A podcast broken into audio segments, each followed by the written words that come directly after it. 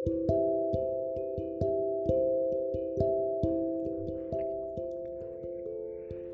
dan aku adalah teman sejak SMP. Hingga sekarang kami berdua sudah sama-sama bekerja, kami pun masih berteman. Rio dekat dengan keluargaku, juga dengan teman-temanku. Kalau kata ibu, kamu dan Rio sudah seperti suami istri yang berjalan 10 tahun, Mei. Ya, memang seperti itu. Namun, rasa-rasanya Rio masih terasa samudra dalam duniaku. Samudra yang diam dan dalam, yang biru dan tenang. Aku sudah mencoba mengelilingi sisinya Ku seberangi permukaannya, namun ternyata aku tidak diizinkan berenang. Mungkin terlalu berbahaya, atau mungkin juga terlalu dalam.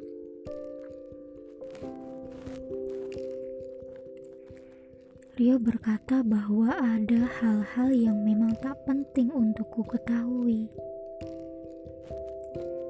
yang tidak perlu ku cari tahu jawabannya. Kata-kata Rio sebelumnya adalah hanyalah sebuah lelucon bagiku. Bagaimana bisa? Bagaimana bisa seseorang yang telah bersamaku sejak masih bocah ingusan tidak bisa dan tidak boleh kuhafal luar dan dalamnya?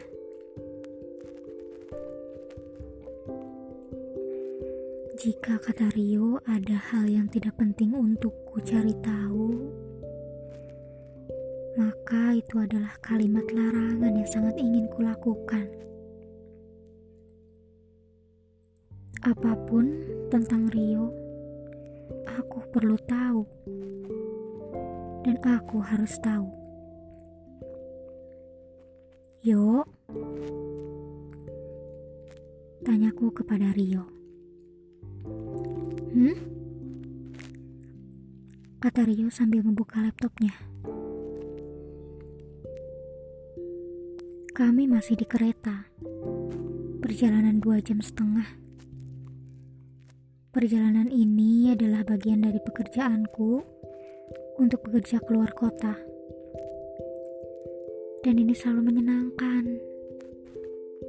Karena Rio pasti selalu menemaniku.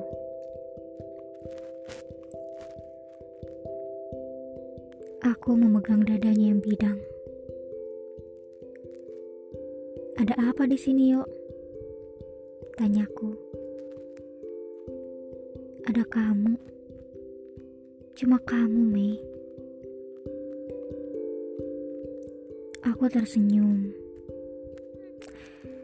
Ya, maksudku, apa aku boleh membaca setiap arsip yang terpassword di dalam sini? Boleh, Mei. Passwordnya kamu selesaikan dulu deh ini. Kata Rio sembari menyalahkan laptopnya yang berisi bahasa-bahasa yang tidak aku mengerti.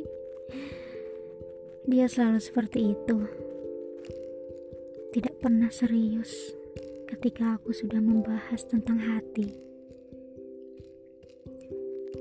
Ah, Aku sih mending tidur ya. Kataku yang sudah bersandar nyaman di bahunya yang hangat.